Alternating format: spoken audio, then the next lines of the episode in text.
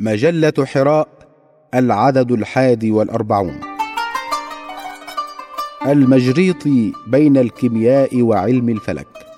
بقلم الأستاذ الدكتور بركات محمد مراد. يعتبر أبو القاسم المجريطي ثلاثمائة وثمان وثلاثين هجرية الموافق لتسعمائة ميلادية من نوابغ علماء العرب والمسلمين في الأندلس إذ كان موسوعة زمانه في جميع فروع المعرفة. يقول ديفيد يوجين سميث في كتابه تاريخ الرياضيات إن أبا القاسم مسلمة ابن أحمد المجريطي كان مغرما بالأعداد المتحابة ومشهورا بتفوقه على غيره من علماء العرب والمسلمين في الأندلس في علمي الفلك والهندسة. ويضيف سيد حسين نصر في كتابه العلوم والحضارة في الإسلام عرف المجريطي عند الأوروبيين بأنه أول من علق على الخريطة الفلكية لبطليموس ورسائل إخوان الصفا والجداول الفلكية لمحمد بن موسى الخوارزمي من علماء العرب والمسلمين في الأندلس. كان له شهرة عظيمة في الرياضيات والفلك. إضافة إلى ما ناله من احترام وتقدير لمجهوداته الجيدة في علم الكيمياء.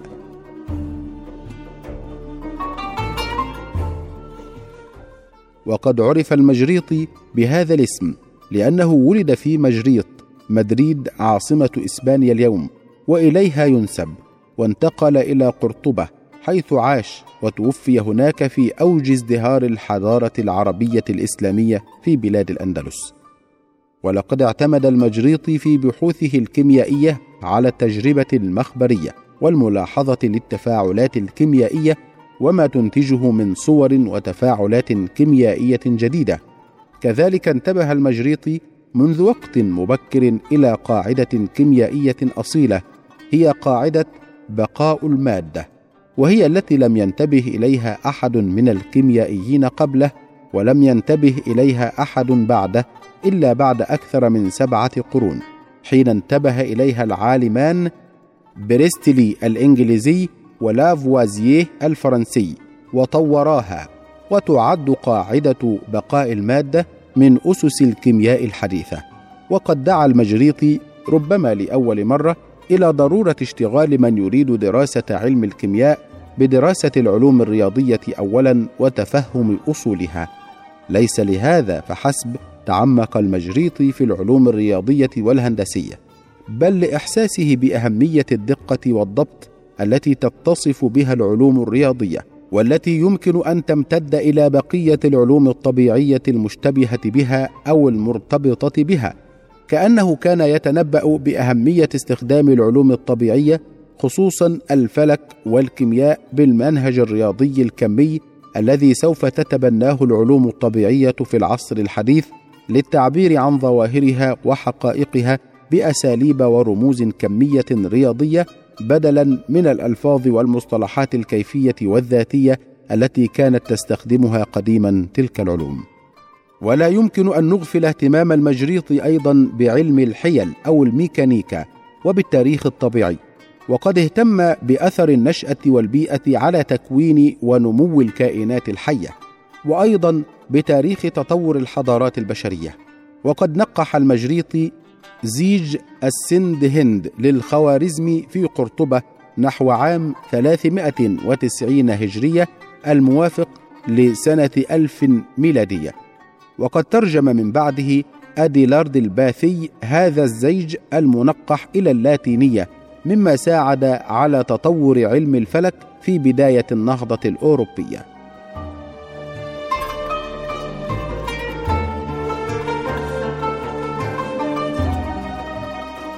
المجريطي بين الرياضيات والفلك. لم يبرع المجريطي في علوم الرياضيات فحسب بل برزت موهبته العلمية أيضا في علم الفلك وقد كان هذا العلم من العلوم الرياضية قديما. لذلك وجدنا المجريطي لا يكتفي بتحرير زيج الخوارزمي بل إنه يغير تاريخه الفارسي إلى التاريخ الهجري الذي يأخذ به العرب والمسلمون ويختصر جداول البتاني الفلكية وينقلها مع كثير من العلوم التي يأخذها من المشرق العربي إلى بلاد الأندلس حيث بقيت من أهم مصادر المعرفة هناك. وحيث وجدت لها مسارب ومنافذ عبرها إلى أوروبا عصر النهضة بعد أن ترجمت إلى اللغة اللاتينية. لذلك نجد رسالته عن الإسترلاب يترجمها جون هابالينيس إلى اللاتينية. وكذلك تعليقه على إنتاج بطليموس يترجمه رودلف أوف بريجس إلى اللاتينية إضافة إلى كتاب الحساب التجاري.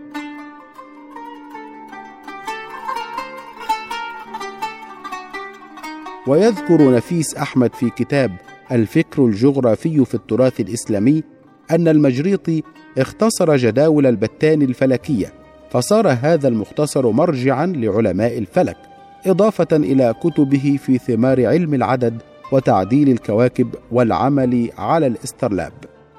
وعندما درس المجريطي إنتاج علماء اليونان في حقل الرياضيات وجد نفسه ملزما بالتعليق عليها ثم التأليف في هذا المجال الجديد على العرب والمسلمين. فكان بهذا من علماء العرب الذين طوروا نظريات الأعداد وهندسة إقليدس التي سادت العصر القديم زمنا طويلا. ثم كتب كتبا في الحساب التجاري الذي صار متداولا في جميع أنحاء العالم. لذلك يذكر القاضي صاعد الأندلسي في كتابه طبقات الأمم أن أبا القاسم المجريطي صنف كتابا رائعا يبحث في الحساب التجاري المعروف آنذاك بحساب المعاملات وبقيت نظريات المجريطي في الرياضيات تدرس في جميع جامعات الغرب والشرق على السواء.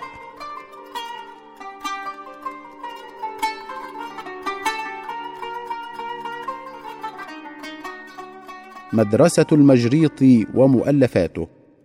كانت مدرسة المجريط في قرطبة عبارة عن معهد علمي يضم العلوم البحتة والتطبيقية على غرار الجامعات التكنولوجية والمعاهد الحديثة. وقد أنجب تلاميذ كثيرين. أنشأ بعضهم مدارس علمية في جميع أطراف العالم الإسلامي خصوصا بلاد المشرق والأندلس. ومن أشهر هؤلاء التلاميذ أبو القاسم الغرناطي المتوفى عام 1035 ميلادية وأبو بكر الكرماني المتوفى عام 1066 ميلادية وابن السمح والزهراوي وابن خلدون وقد استقى الأخير من كتابيه رتبة الحكيم وغاية الحكيم بعض مادة مقدمته الشهيرة التي اعتبر بها ابن خلدون مؤسسا لعلم الاجتماع ومصنفا لمختلف العلوم الإسلامية والإنسانية. ولقد عكف المجريطي على التصنيف في فروع المعرفة المختلفة مثل الفلك والكيمياء والحيوان والرياضيات. وقد اصطبغت مؤلفاته بالتعمق في العلوم الأساسية البحتة وفي جوانبها النظرية كما امتدت إلى العلوم التطبيقية والعملية. ويذكر خير الدين الزركلي في موسوعته الأعلام بعض المؤلفات التي صنفها المجرطي ككتاب ثمار العدد في الحساب يعرف بالمعاملات. وكتاب اختصار تعديل الكواكب من زيج البتاني. وكتاب رتبة الحكيم في الكيمياء. وكتاب غاية الحكيم في الكيمياء. ورسالة في الاسترلاب. إلى آخره.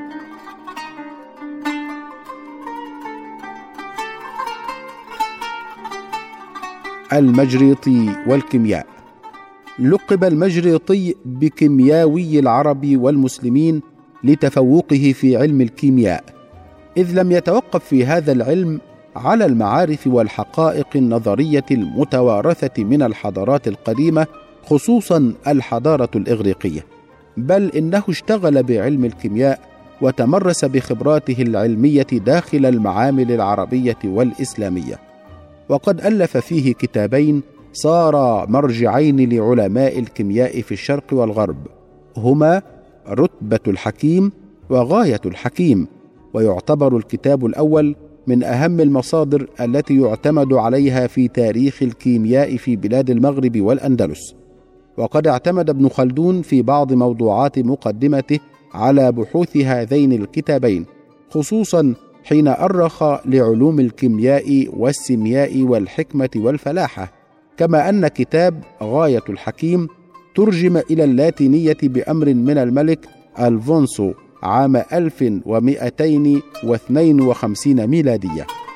وجدير بالذكر أن المجريطي أرخ في هذا الكتاب لتطور الكيمياء في القرون الوسطى السابقة له وسجل منجزات الأمم السابقة في الكيمياء في العالم القديم وفي أزمنة اليونانيين والمصريين القدماء.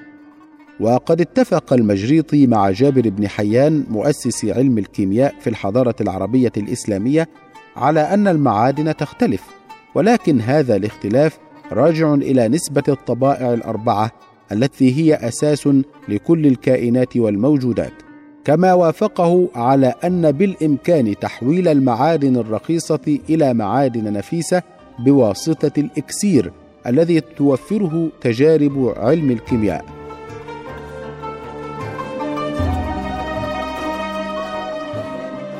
وقد اشتهر المجريطي شهرة كبيرة بتحضيره أكسيد الزئبق إذ لم يسبقه أحد في وصف التجربة التي أدت إلى تحويل الزئبق إلى أكسيد الزئبق. وجدير بالذكر أن كلا من بريستلي ولافوازيه استفاد من هذه التجربة ولم يذكر دوره العلمي في ذلك. وقد طور التجربة المعملية التي أجراها هذا العالم المسلم الجليل. وقد اعترف الغرب حديثا بفضل المجريطي على علم الكيمياء في العصر الحديث حين قال هولميارد في كتابه الكيمياء حتى عصر دالتون ويكفي المجريطي فخرا أنه انتبه إلى قاعدة بقاء المادة أو الكتلة التي لم ينتبه إليها أحد قط من الكيميائيين السابقين له.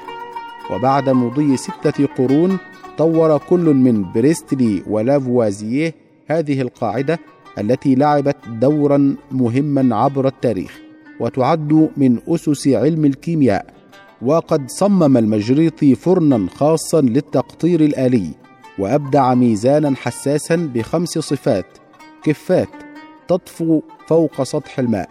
من أجل إثبات الوزن النوعي لمادة كان يريد وضعها قيد الاختبار واهتم اهتماما خاصا بتجارب الاحتراق والتفاعلات التي تنتج عن هذا الاحتراق والتغيرات التي تحدث في أوزان المواد التي تحترق.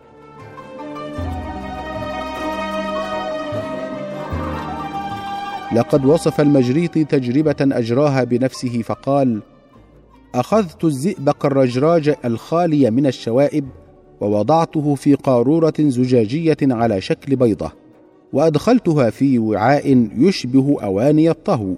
وأشعلت نارا هادئة بعد أن غطيته وتركته يسخن أربعين يوما وليلة مع مراعاة ألا تزيد الحرارة على الحد الذي أستطيع معه أن أضع يدي على الوعاء الخارجي.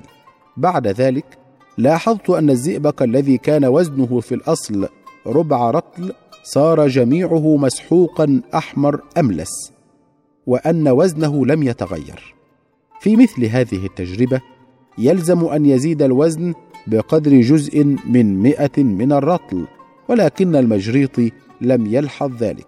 ولا شك أن السبب راجع إلى أن جزءا من الزئبق قد تبخر وكان نقص الوزن الناتج من ذلك معادلا للزيادة الناشئة من اتحاد باقي الزئبق بالأكسجين. وإنه من الجحود أن تنسب كما يقول الدكتور محسن مصطفى أمثال هذه التجارب التاريخية إلى علماء من الإفرنج من دون أن يشار إلى البادئين بها من العرب والمسلمين. وجدير بالذكر أن قاعدة بقاء المادة تقول إن مجموع كتل المواد الداخلة في أي تفاعل كيميائي مساو لمجموع كتل المواد الناتجة عن التفاعل. ويضيف الدكتور السمري وليس ثمة شك في أن قاعدة بقاء المادة التي وضعها المجريطي تعد انجازا علميا مبتكرا. لا جرم أن بريستلي ولافوازيه ومن أتى بعدهما من علماء الكيمياء قد استفادوا منها وارتكزوا عليها للانطلاق نحو آفاق جديدة في علم الكيمياء. من هنا لا يكون غريبا أن نجد الدكتور علي عبد الله الدفاع يؤكد أن كتاب غاية الحكيم للمجريطي لا يستغني عنه باحث في تاريخ الحضارة الإسلامية خلال القرون الوسطى فهو لا يحتوي على تاريخ الكيمياء فقط بل على كثير من الاستنتاجات العلمية التي توصلت إليها الأمم السابقة للأمة العربية الإسلامية في كل من الكيمياء والفلك والرياضيات وعلم الحيل الميكانيكا والتاريخ الطبيعي.